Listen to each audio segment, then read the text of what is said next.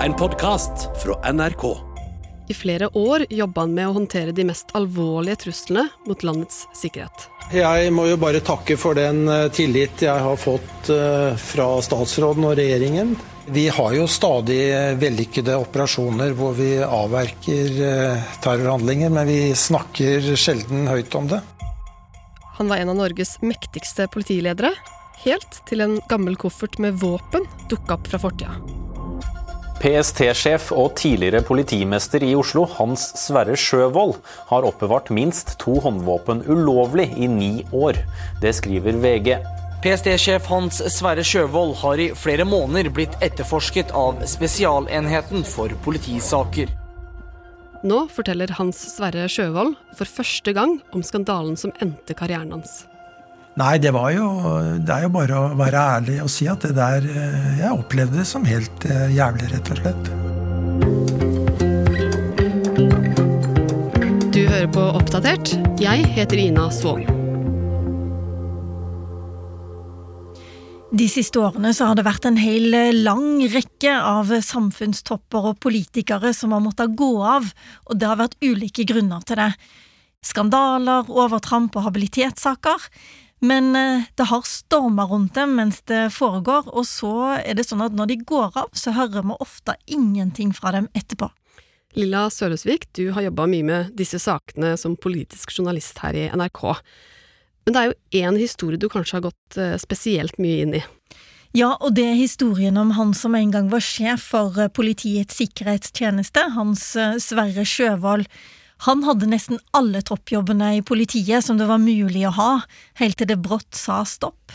Han var innvikla i en stor skandale, og så ble det helt stille fra han. For verken mens det sto på i mediene eller etterpå, så har Sjøvold orka å gi sin versjon av hva som skjedde. Men eh, nå, for litt siden, så satte vi oss ned sammen hjemme hos han, og så fortalte han meg sin historie.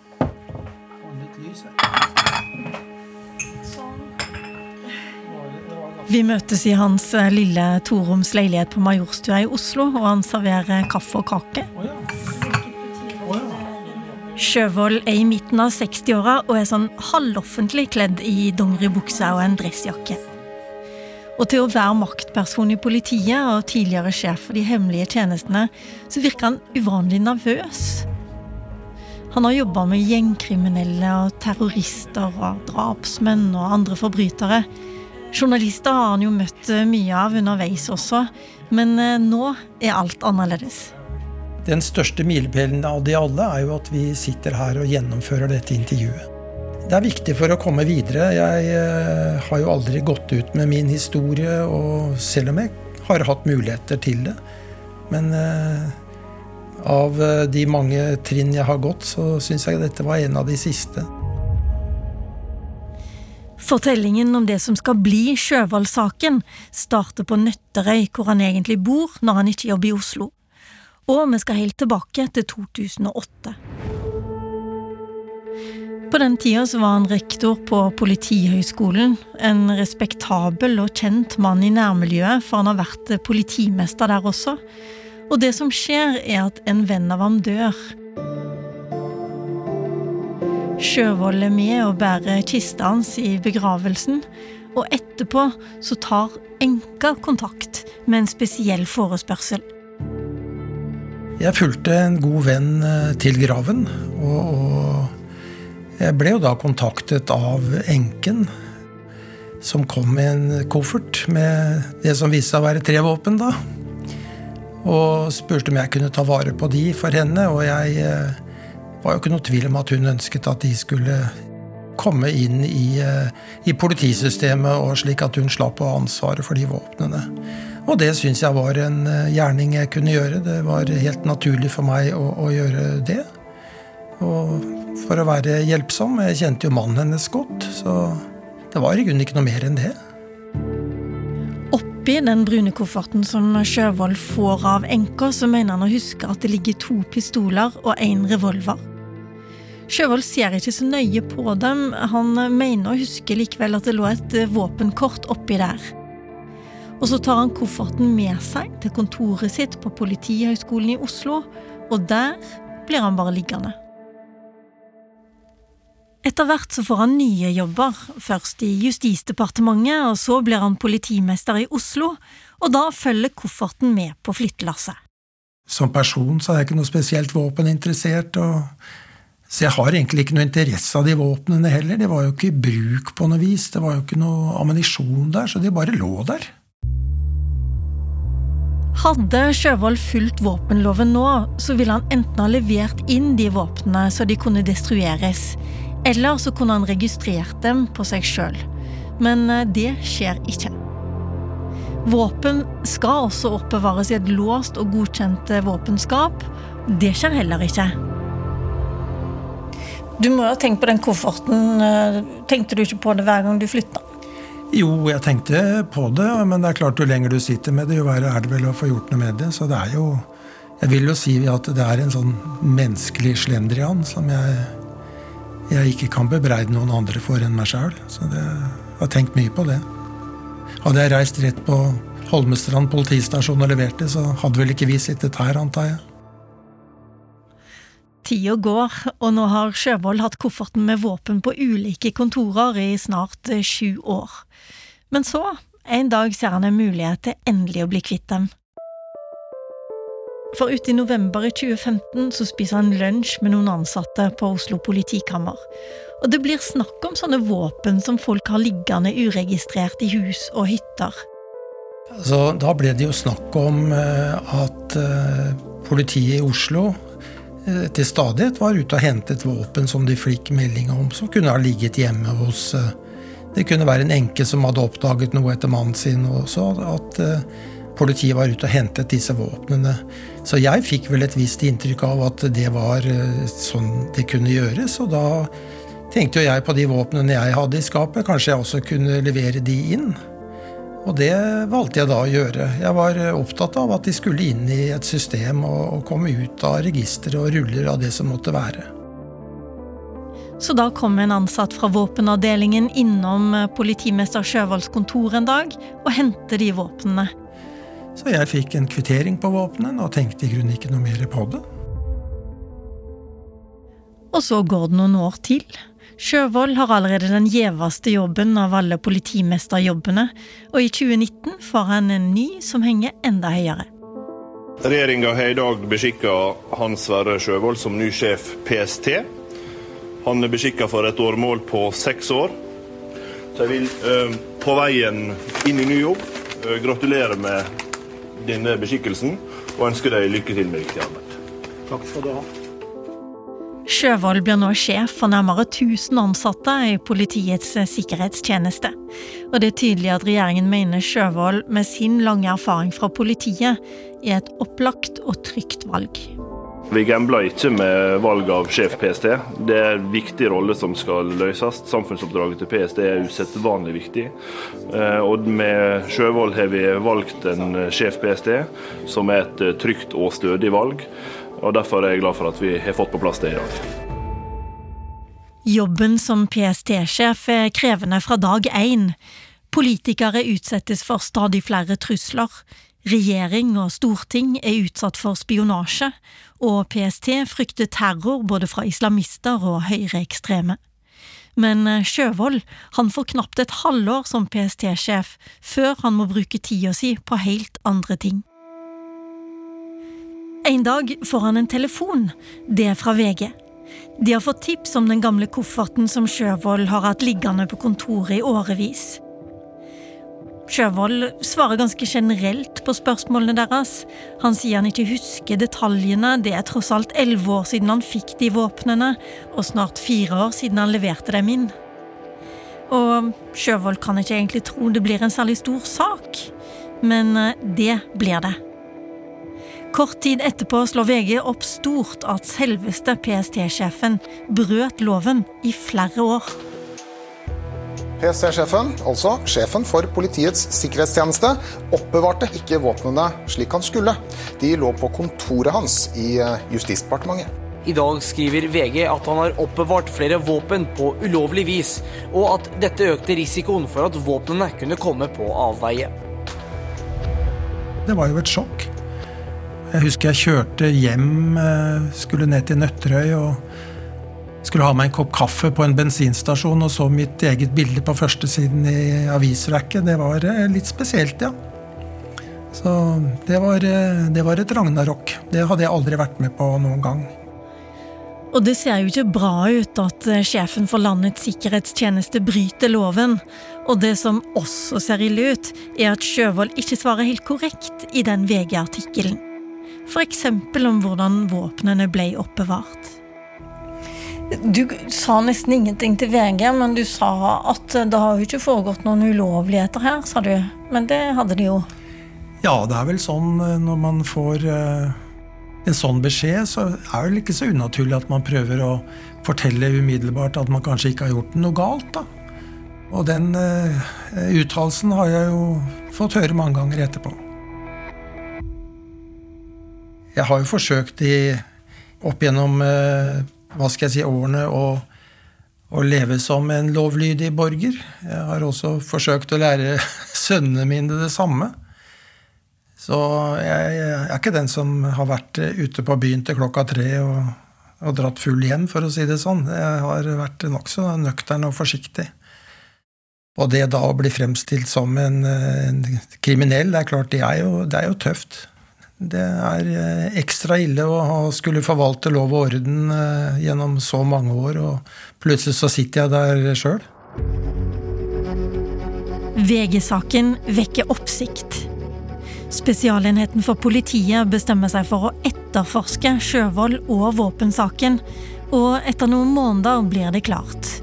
Han får en bot på 50 000 kroner for ulovlig besittelse og oppbevaring av våpen.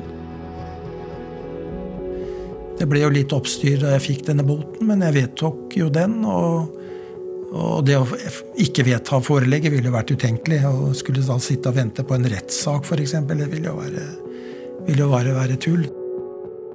Men selv om Sjøvold erkjente det han hadde gjort, så mener han det var en streng straff, siden våpnene tross alt ikke utgjorde fare for noen.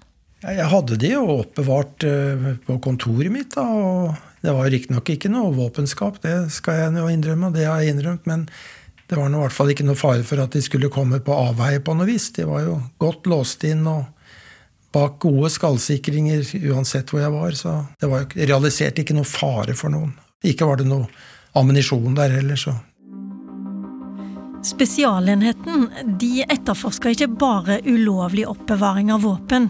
De undersøkte også om Sjøvold hadde misbrukt stillingen sin. Hvis han hadde gjort det, så hadde jobben hans hengt i en tynn tråd. Men de finner ingen beviser for at han har det. Og Monica Mæland, som nå er blitt justisminister, har fortsatt tillit til han. Sjøvold har erkjent forholdene, og han har vedtatt eh, boten. Og jeg har tillit til Sjøvold som eh, PST-sjef. Eh, og så er denne saken noe både han og vi selvsagt gjerne skulle vært foruten. Det å være sjef for PST er jo en spesiell stilling i, eh, i, det norske samfunn.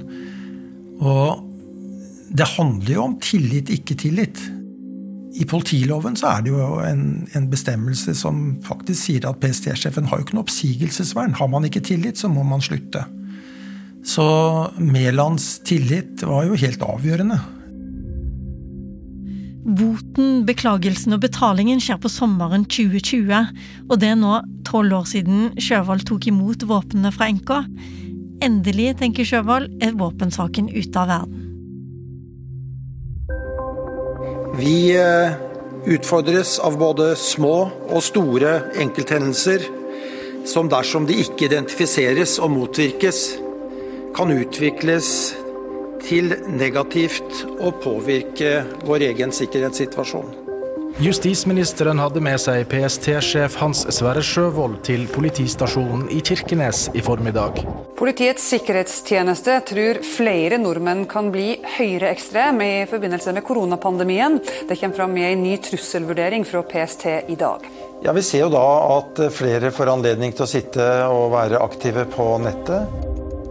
Men eh, mens han legger fram eh, nye trusselvurderinger, jobber med livvakttjenester og setter i gang ny omlegging av PST, graver VG videre. Og i april 2022, halvannet år etter den forrige saken, så kommer de med nok en avsløring om Sjøvold og våpnene.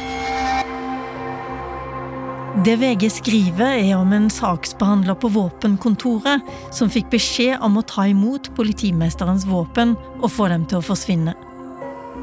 Saksbehandleren nekta. Han insisterte på å gjøre ting etter boka, og særlig fordi det var sjefens våpen det var snakk om. Ifølge avisa var det ingen som ville høre på han, og saksbehandleren mener han ble pressa og trua til noe han ikke ville, og til slutt så ble han sykemeldt.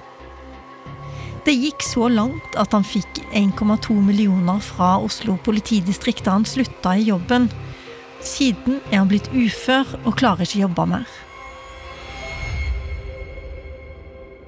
Jeg var jo ikke klar over eh, hva som hadde skjedd med denne saksbehandleren på våpenkontoret. Så det var en ny historie for meg. Det var jo noen da som trodde at eh, det var egentlig du som sto bak og, og pressa. Ja, det fikk jeg vel også inntrykk av at det var, det var viktig liksom å få fram at jeg, det var min skyld. Og det er klart det skjedde jo under min ledelse, men eh, jeg hadde ikke noe med den delen av saken å gjøre. Jeg var ikke noe sånn at jeg sa til noen at eh, dette må dere gjøre, og dere må ikke følge de og de rutinene. Det, det var ikke der jeg var. Men eh, det var nå jeg som var politimester, og jeg som hadde levert de våpnene inn, så det er jo mitt ansvar. Hva tenkte du om han saksbehandleren, Hanna? Nei, det er jo utrolig trist å høre hva som skjedde med han. Så det er jo svært beklagelig, selvfølgelig. Og at det også endte opp som det gjorde, er jo bare å beklage. VG publiserer nye artikler om Sjøvold nesten hver dag nå. Hadde han våpenkort til de våpnene? Hva sa til han egentlig? Og hvor mye visste han om den saksbehandleren på Oslo politikammer? Etter 20 år som toppsjef i politiet har Sjøvold stått i mange stormer. Krekar-saken, beredskap etter 22. juli og ny etterforskning av Scandinavian Star-ulykken. Men dette er den første stormen som handler om ham sjøl. Og denne går ikke over heller. Jeg tror når du, når du opplever et sånt kjør som jeg gjorde, så får du mer enn nok med å konsentrere deg om å rett og slett gå på jobb, sove nok.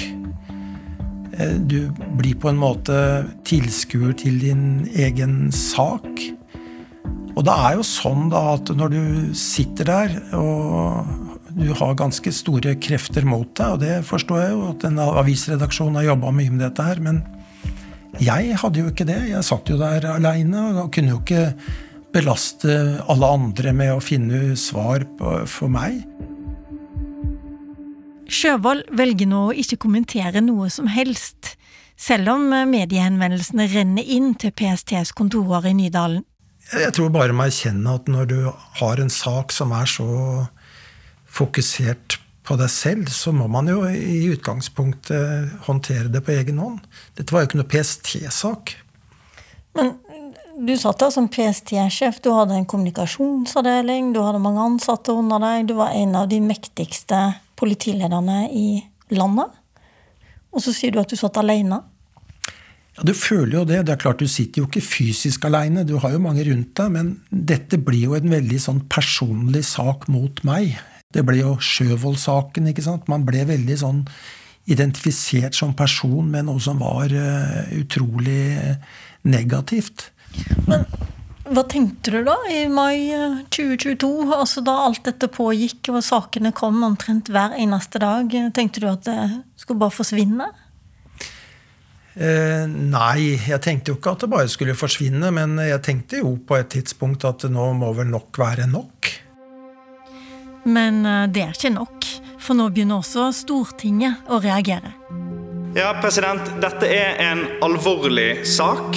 Det har vært eh, forklaringer fra ulike personer og instanser som endrer seg. En ansatt som føler seg presset slik at vedkommende ble ufør. Og det vitner om en ukultur i politiet som har gått for langt, og som tilsynelatende går helt til topps i systemet. Politikerne vil vite hvorfor PST-sjefen beholdt sikkerhetsklareringen selv om han fikk en høy bot. Og hvor mye sa han om disse våpnene før han tok jobben som PST-sjef? Saken er ikke unik, og som vi nettopp har hørt, eh, Sjøvold-saken og andre saker, så kan det se ut som at det er en ukultur i politiet. På hvilket tidspunkt fikk departementet kjennskap til at PST-sjefen hadde oppbevart ulovlige våpen? Når politikken eh, tar over, da, da, er det fare på ferde. Og det, sånn er det jo. Jeg nevnte jo det at eh, har man, eh, er man PST-sjef, så er, er mine arbeidsgivere avhengig av at jeg har tillit. Og det kan ikke bli stilt spørsmål ved tilliten. Så da skjønte jeg jo hvilken vei det kom til å gå. Sjøvold vet at han trenger justisministerens tillit for å kunne fortsette som PST-sjef. Og nå kunne jo den nye justisminister Emilie Enger Mehl svare som den forrige justisministeren gjorde Nemlig at han har tillit, at han er sikkerhetsklarert, og at han har betalt og beklaga. Men hun sier ikke det. Hun går ikke ut og forsvarer PST-sjefen, og da skjønner han at han har ikke noe valg. Hans Sverre Sjøvold går av som PST-sjef etter VGs avsløringer om ulovlig våpenoppbevaring. En klok avgjørelse, sier justisministeren. Sjøvold har selv bedt eh, i dag om å fratre, og jeg tar det til etterretning. Jeg mener eh, det er en beslutning det står respekt av, og som jeg mener er klok. Det er helt naturlig at Sjøvold nå går av. Vi har sagt lenge at det er mye som stinker ved denne saken. Det ser ut som at mennesker høyt oppe i systemet i politiet og sikkerhetstjenesten har hatt hverandres rygg. Altså mange problematiske sider som gjorde at Sjøvold ikke lenger kunne være PST-sjef.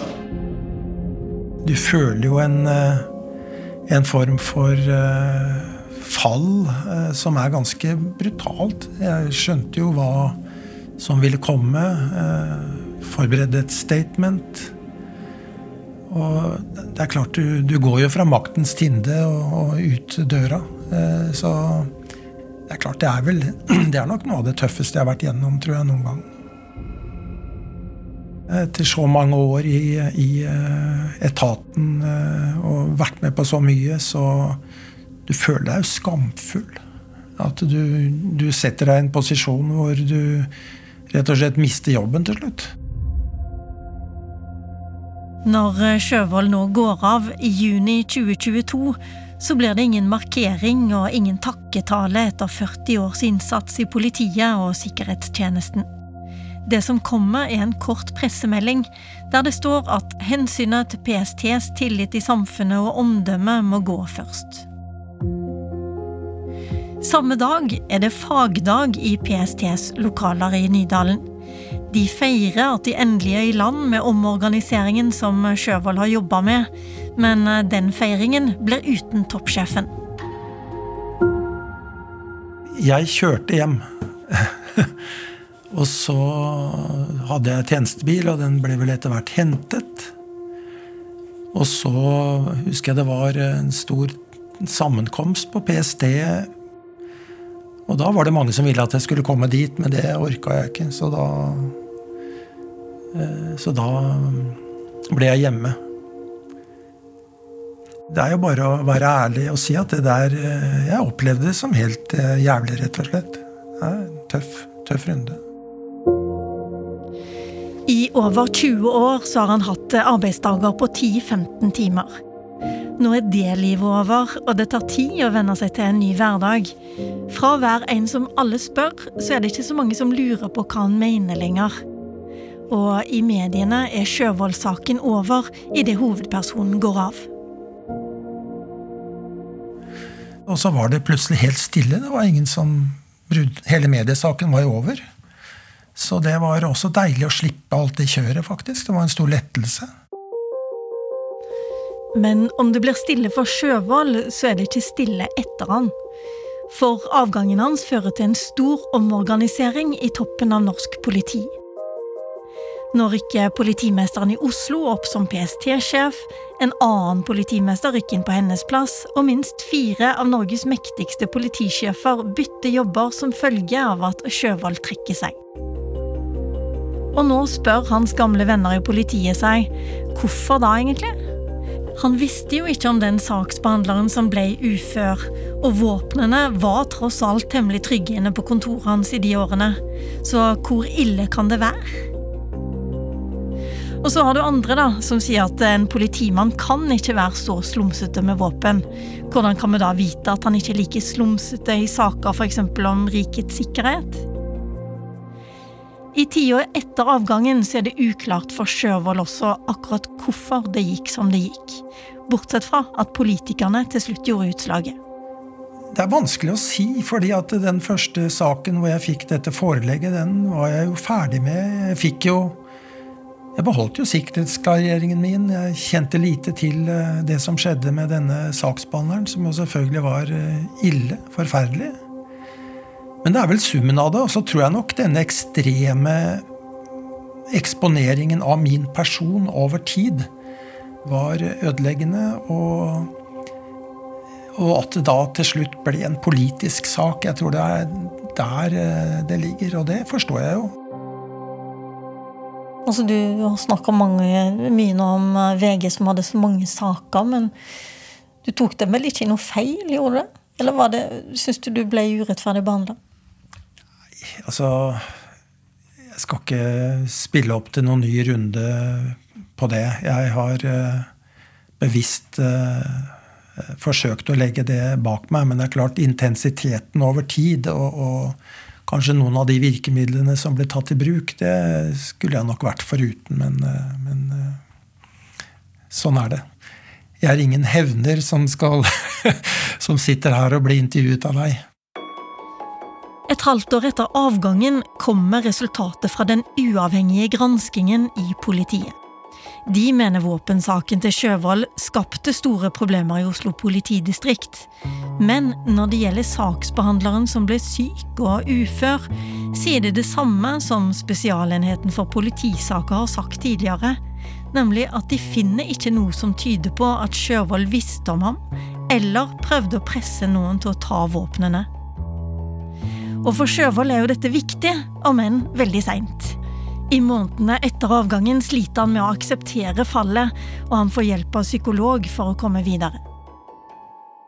Jeg var jo sliten og kjørt og følte at hele verden eh, så på meg, og, og du, du, føler deg jo stigmatisert. Jeg tror jeg har gått uh, gatelangs her i, i Oslo, som vi er nå, da, opplever at uh, alle ser på deg. Og så fant jeg ut ser alle på meg, eller er det sånn at jeg ser på alle for å finne ut om de ser på meg? Og da ser de jo på meg. Men det var jo Det er jo det å gå ut blant folk, bli konfrontert med ting. Det er klart det er tøft. Uh, mye av den uh, jobben jeg føler jeg har gjort med meg selv etterpå, har jo vært å å eksponere meg for eh, vanskelige situasjoner, spørsmål, gå ut. For du får jo en sånn form for nærmest sosial angst en periode, og den må jo overvinnes. Sjøvold har truffet flere politikere og samfunnstopper som har gått av etter store offentlige skandaler den siste tida. I likhet med ham har de også forsvunnet helt ut etterpå. Og historiene ligner jo. Dette er folk som har vært flinke hele sitt liv. De har jobba hardt, levert resultater og vært der det skjer.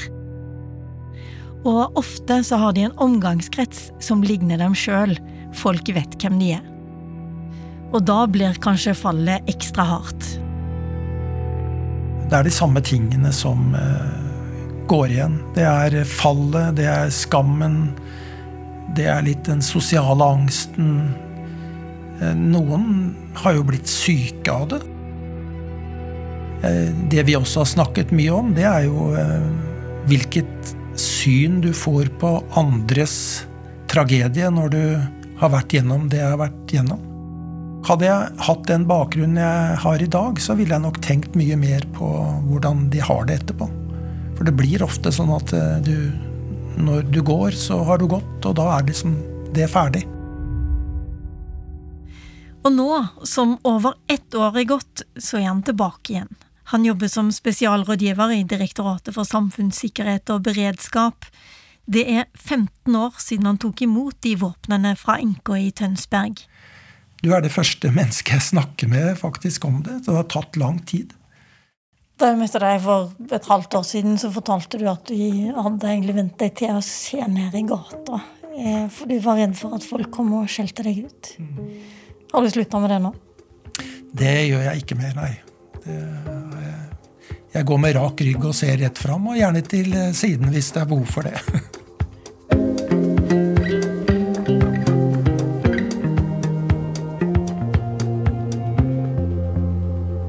Oppdatert er en podkast fra NRK Nyheter. Og denne episoden er laget av Lilla Sølhusvik, lyddesign Andreas Berge og meg, Ina Svaan. Programredaktør er meg, Knut Magnus Berge. For ordens skyld så er Hans Sverre Sjøvold gift med Kristin Monstad, redaktør i NRK Vestfold og Telemark. Hun har ikke vært involvert i redaksjonelle vurderinger rundt denne saken. Klippene du har hørt, er fra Stortinget og NRK. Og har du tips eller innspill, send oss gjerne en melding i NRK radioappen, eller send oss en e-post på oppdatert krøllalfa nrk.no. Gull. Velkommen til årets råeste musikkfest. Bli med oss til et nedlagt kjøpesenter som vi fyller med musikken fra 2023. Der skal vi løfte artistene som har gitt oss låtene vi har hørt på repeat gjennom året. Og ikke glem, høythengende priser deles ut. Årets artist, årets låt, årets gjennombrudd med prisen. Og i tillegg spiller disse her live. Hakim Makosir, Synnøvo, Emma Steinbakken, Delara, Aiden Foyer, Hillary og Arif. Let's go! Få det på! P3 Gull, fredag 24. november på NRK1, P3.no og i NRK TV.